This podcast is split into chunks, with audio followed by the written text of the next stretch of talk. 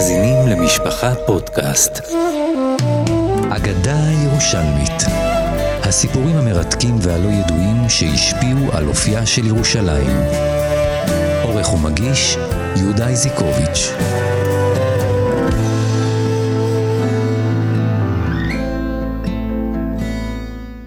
מאחורי כל הסיפורים ההיסטוריים, האירועים והמקומות, מה שהופך את ירושלים בסוף למה שהיא, אלו האנשים שהתגוררו ומתגוררים בה.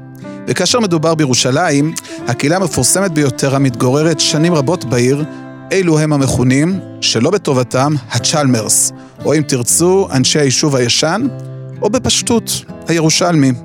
כדי להכיר את הקהילה המרתקת הזאת, הזמנו לפרק זה את בן המשפחה הירושלמית המפורסמת, המרצה הרב אורי בלוי.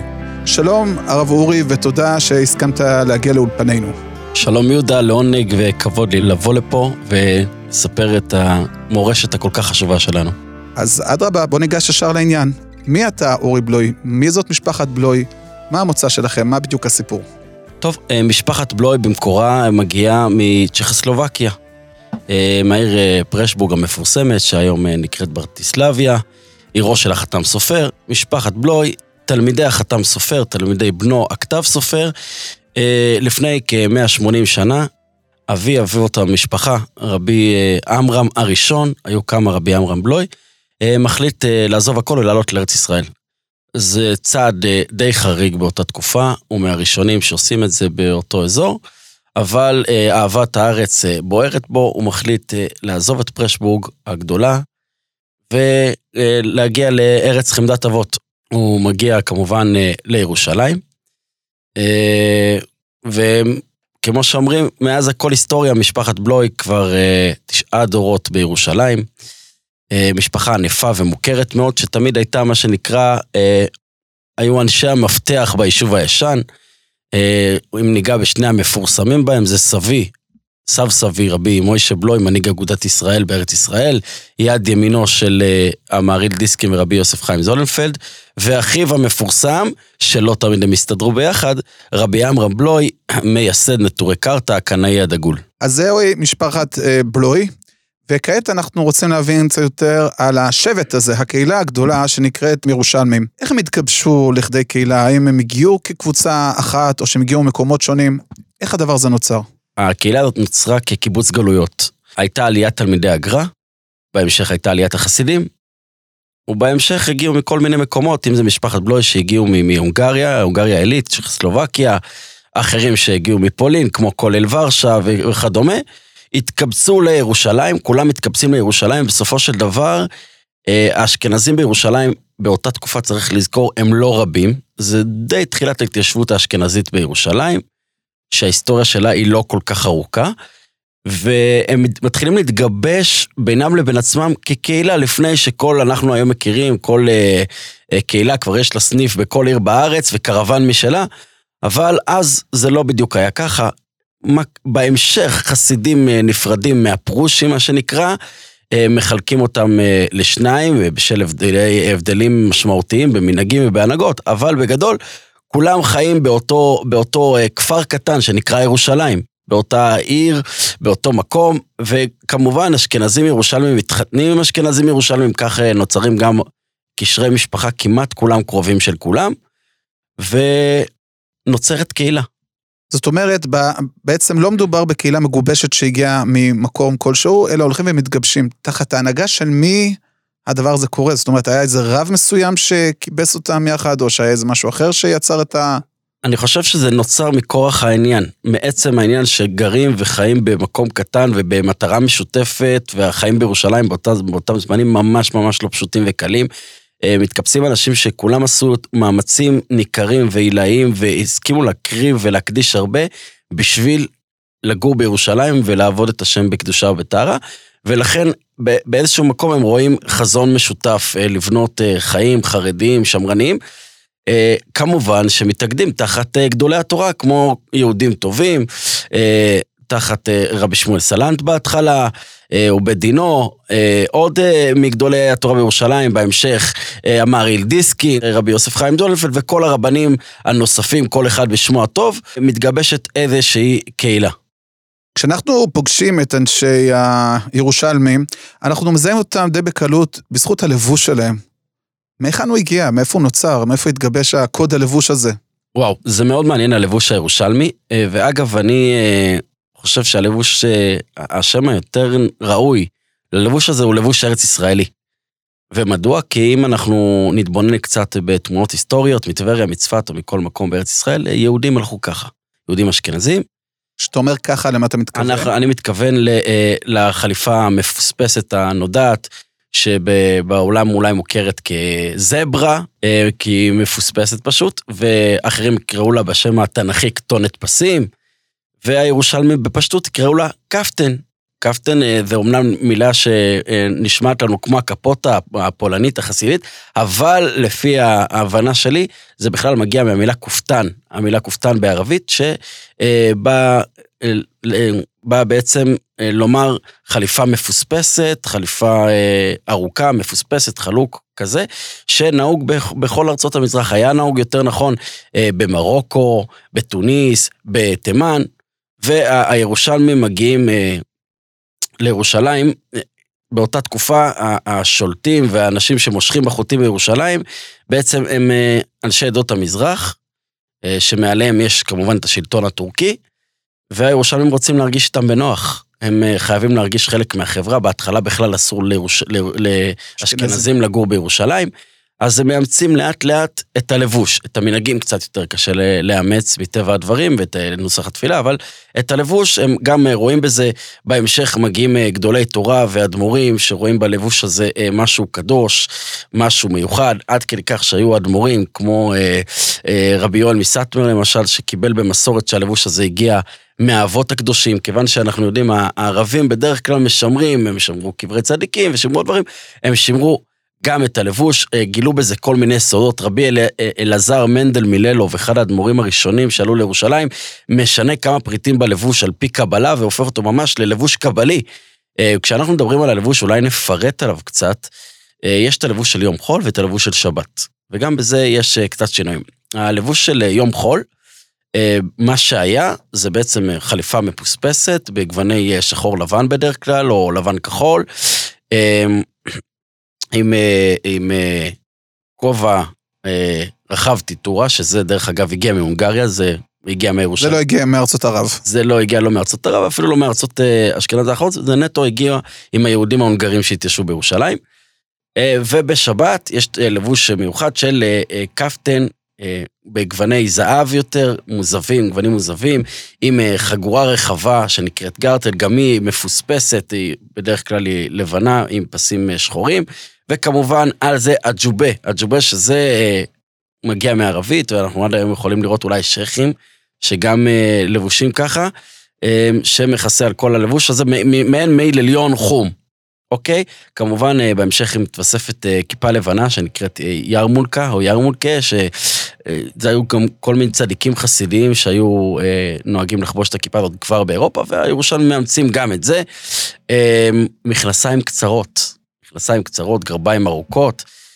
שטריימל, ומעל כל הדברים האלה יש שטריימל, לבוש, לבוש מזרחי עם שטריימל, זה משהו מעניין. אנחנו יכולים לראות בתמונות דבר מאוד מעניין, חכמי פורת יוסף עד לפני 2-3 דורות, כמו למשל אביו של חכם שלום כהן, אה, עליו השלום, רבי אפרים כהן, לבושים בלבוש מאוד מאוד דומה ללבוש הירושלמי. אפילו הבן איש חי בתמונות המפורסמות, לבוש בצורה מאוד מאוד דומה.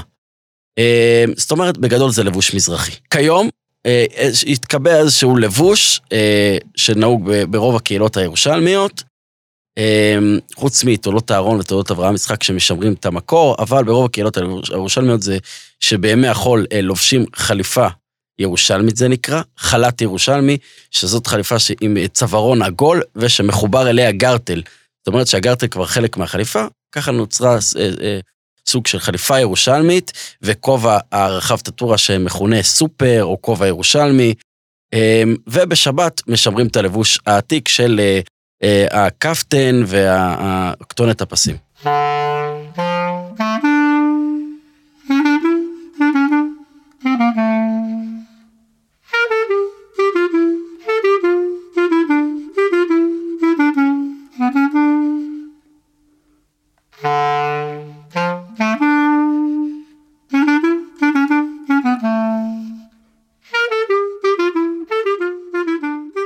מעבר למאפיינים החיצוניים, הנושא הלבוש, יש לירושלמים גם דברים מסוימים, מאפיינים באורח החיים שלהם. אתה יכול לפרט לנו קצת על העניין הזה? כן, זה מאוד מעניין. אפשר uh, לראות בקהילה הירושלמית, uh, קודם כל, הנושא המשפחתי הוא מאוד מאוד חזק. כלומר, מאיזה משפחה אתה? Uh, הייחוס המשפחתי שלך. הירושלמים בסופו של דבר, כמעט כולם קרובי משפחה. כולם, כמעט כולם uh, התחתנו באיזשהו מקום אלו עם אלו, קהילה לא גדולה, למרות שהיום כבר התפתחה, uh, ברוך השם, uh, לאלפים ורבבות. אה, יש את הנושא השמרני, הירושלמים מאוד מאוד מקפידים לשמור ולשמר, כמו שאמרנו, את הלבוש, אבל גם את, את צורת החיים. זאת אומרת, אה, אה, להיות, לשמור על המקום שלהם מול כלל החברה. אני, יש איזושהי גאווה ירושלמית, אני שייך לציבור הירושלמי שממשיך פה בעצם מסורת של דורות, של הלכה, של אה, אה, מנהגים, של אה, קשר אה, לירושלים, קשר למנהגים של ירושלים, אה, מנהגים שלפעמים הלכתיים ולפעמים הם אה, פחות הלכתיים. הנושא הקבוצתי, הירושלמי מאוד מאוד, אה, אה, מה שנקרא, דואגים אחד לשני, אה, גם בפעולות של חסד וגם סתם באופן כללי. ירושלמים, ירושלמי, בכל העולם הם פגשו באיזושהי טיסה, הם תמיד ירגישו קשר ביניהם, אפילו שלכאורה יכול להיות שזה חסיד, וזה בכלל שייך לקהילת הפרושים, וזה ממשפחה זו ומשפחה אחרת, הם תמיד ירגישו איזשהו חיבור כמו אחים. אה, אמרנו משפחתי, אז הירושלמים מאוד מאוד אנשי משפחה. אה, שמי מדבר על שמחות שברוך השם יש בלי סוף, כי בלי עין הרע, הקהילה הירושלמית היא מאוד מאוד מתפתחת בקצב מהיר, וגם יש את הקטע שתמיד נגיד אה, בנות ירושלמיות יבואו פעם בשבוע לפחות לשבת אצל האימא, לשבת ולפטפט. אה, האימא יכולה להיות גם ישישה בת 90, אה, שהבנות שלהם בעצמם, הם בעצמם כבר סבתות לנינים, והם לא יוותרו על לבוא, לשבת בסלון של האימא העתיק והחמים ולטעום מהעוגיות, ואולי לסרוג ביחד ולפטפט על החיים, ואימא הייתי, גם אימא נשארת אותה אימא מגיל שנתיים עד גיל 90. יפה. הזכרת עוגיות, הזכרת אוכל, יש לירושלמים מאכלים משלהם? כן, המטבח הירושלמי הוא מאוד מעניין. כמו השילובים שדיברנו עליהם בלבוש, גם במטבח הירושלמי יש, אני חושב שזה די ייחודי בעולם היהודי, למרות שזה מדובר בדרך כלל באשכנזים, משלבים מכל העולם היהודי. אתה יכול אה, לראות על שולחן שבת ירושלמי אה, גפילטה פיש, כמובן בנוסח ירושלמי, אה, ולראות גם מאכלים כמו חילבה, שבכלל הוא מאכל תימני או סחוג, או בכלל הירושלמים נוטים יותר לטעם המזרחי, החריף יותר. זה בא שוב מהמקום הזה של חיים שנים רבות בין ערבים או בין אה, אנשי אה, עדות המזרח, והם אה, אימצו גם, זה בהחלט השפיע גם על הקולינריה. מעניין. יש עוד משהו, ש... ויותר ממשהו אחד שמאפיין את ירושלים, הפשטות. מאוד מאוד קשה לראות ירושלמי שהולך בגדולות ונפלאות. מאיפה זה מגיע הרעיון הזה לשמור על פשטות כזאת, לא, לא, לא להתבלט, לא לחפש את ההתבלטות? אני חושב שזה היה אחד, באמת אחד המאפיינים המיוחדים ביותר של ירושלים. בירושלים, לדוגמה, הסתובבו תלמידי חכמים עצומים בקנה מידה עולמי, שהיו עוד אחד מאברכי הכולל, ועדיין ישנם כאלו, ולהבדיל אה, עשירים גדולים, קבלנים גדולים, שנוהגים כאחד אדם, שווים בין שווים, ולא משנה מי אתה באותה משפחה, באותה קהילה. אה, אפילו חלקם אה, יכולים ללכת ולנסוע כאחד האדם באוטובוס. הנושא של הפשטות זה הגיע ממקום של באמת הקרבה והקדשה למען מטרה מסוימת, ואני חושב שזה אחד המאפיינים הכי חזקים בציבור הירושלמי, גם ההתנהגות בבית ובכלי הבית היא מאוד בפשטות, וגם ההתנהגות בחיים האישיים. אני לא עוד מישהו מעליך או לא מתנשא עליך, אני עוד יהודי, יהודי טוב שמנסה לעשות טוב. אז ניקח את אותו ילד שגדל במשפחה ירושלמית עם כל הקהילה סביבו והמשפחה הקרובה, והוא מגיע לגיל אה, שידוכים, בוא נגיד סביבות גיל 18, ובשעה טובה ומוצלחת מוצא את בת גילו, והנה מגיעה חתונה. יש לירושלמים מנהגים ייחודיים בנושא של חתונות. תוכל אה, קצת לספר לנו איך נראית חתונה ירושלמית? בהחלט. קודם כל, גיל הנישואים בירושלים הוא צעיר. אה, בדרך כלל זה מתחיל בסביבות גילאי 18, אה, וזה הג- זה הגילאים המקובלים, גילאים והקלה, צעירים. בדרך כלל? הקלה גם אה, מ-17 ומעלה, Mm. אוקיי? גילאי נישואים בירושלים תמיד היו כאלו. אה, דבר נוסף, חתונה ירושלמית היא אירוע מאוד מעניין. א' כל, בגלל התקנה הידועה של רבי מאיר אוירבך, בעל האמרי בינה, שבאותה תקופה היו אסונות קשים בירושלים, וגילו לו אה, בחלום מהשמיים, שזה בגלל שהם מזלזלים קצת בצער החורבן, בני ירושלים חיים ליד אה, אה, מקום המקדש, והוא החליט לתקן תקנה שבחתונות בירושלים אין תזמורת. חייבים לשמח חתן וכלה, מה עושים? לכן אה, התקנה אה, השתדרגה לתופים בלבד. וזה אה, פשוט מדהים לראות שתקנה שתוקנה לפני למעלה מ-120 שנה עדיין נשמרת באדיקות, ללא כל פשרות, על, אה, גם על ידי אנשים שלא שייכים דווקא לקהילה ירושלמית, כמו ליטאים או חסידים אחרים. מי שמחתן בירושלים, אה, התזמורת מורכבת מתופים בלבד. וזו תופעה, אני חושב, ייחודית בכל העולם. אנשים פשוט, אה, אני זוכר, אה, כשאני התחתנתי, באו אורחים מחוץ לארץ, הם היו בהלם. לראות איך אפשר לשמוח ולרקוד אה, בחתונה שהכלי היחיד בה הוא תופים.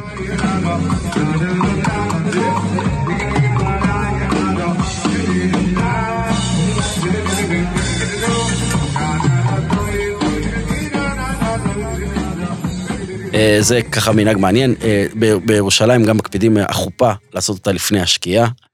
אה, מאוד מקפידים על אה, שבע ברכות, מלא ככה. בכלל, כל המנהגים אה, סביב הח- החתונה והחופה, אה, אוכלים, החתן והכלה אוכלים יונים אה, בחדר איחוד, שזה גם מנהג ירושלמי. שוברים למשל חלה מעל הראש של החתן. מי שיבוא פעם לחתונה ירושלמית מהחופה, וזה מאוד מומלץ, ויעקוב אחרי המנהגים המקוריים, זה מאוד מאוד מעניין. יש גם ריקודים ירושלמי ייחודים, נכון? הקדצ'קה זה גם נכון, הגיע? הירושלמים אה, ידועים בכל העולם כרקדנים, הם סתם ככה אנשים מאוד שמחים.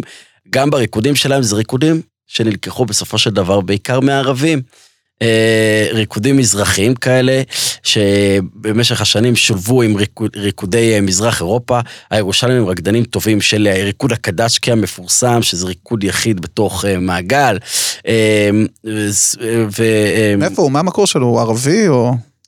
המקור של הריקוד עצמו לא ידוע לחלוטין, אבל הניגונים שמלווים את הריקוד אלו ניגונים שהגיעו או ממירון, ששם אה, גם משהו שהירושלמים מאוד אה, קשורים אליו, מה- מהדרוזים או מהערבים בירושלים, אבל אה, בהחלט הירושלמים מקבלים את זה, והם מטבע הדברים אנשים שמחים ומשמחים.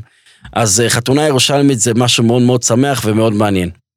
הזכרת מירון, ואי אפשר להתעלם מהקשר המאוד מאוד חזק שקיים בין הירושלמי למירון. על איזה רקע נוצר הקשר הזה? אם כבר דיברנו על הקשר הזה, ידועה אמרתו של רבי יונה הירושלמי, שהיה אומר, אם הגענו עד דיסקין, שנמצאת בכניסה לגבעת שאול, שלא ניסע למירון, אה, זה- זו אמרה שכל אה, יהודי ירושלמי יודע אותה, כל יהודי ירושלמי פוקד את מירון במהלך השנה. כמה שיותר, מירון אה, קשורה, בד- אה, היא ממש בדם, ב-DNA הירושלמי. הקשר הזה מאוד מעניין. אה, אני חושב שבאיזשהו מקום, כמה שהם אנשים ככה מפולפלים ומתוחכמים, הם מבטלים את עצמם לרבנים, לצדיקים, והנושא של קברי צדיקים הוא מאוד מאוד חזק אצלם. יכול להיות שגם זה בא מ- מעדות המזרח, ומירון הוא, ב- ל"ג בעומר במירון היה אירוע שריכז סביבו את יהודי היישוב הישן. והירושלמים באופן טבעי הקדישו ש- אה, שבועות שלמים להגיע למירון ולהיות, עד היום הם חלק אינטגרלי מהמקום הזה.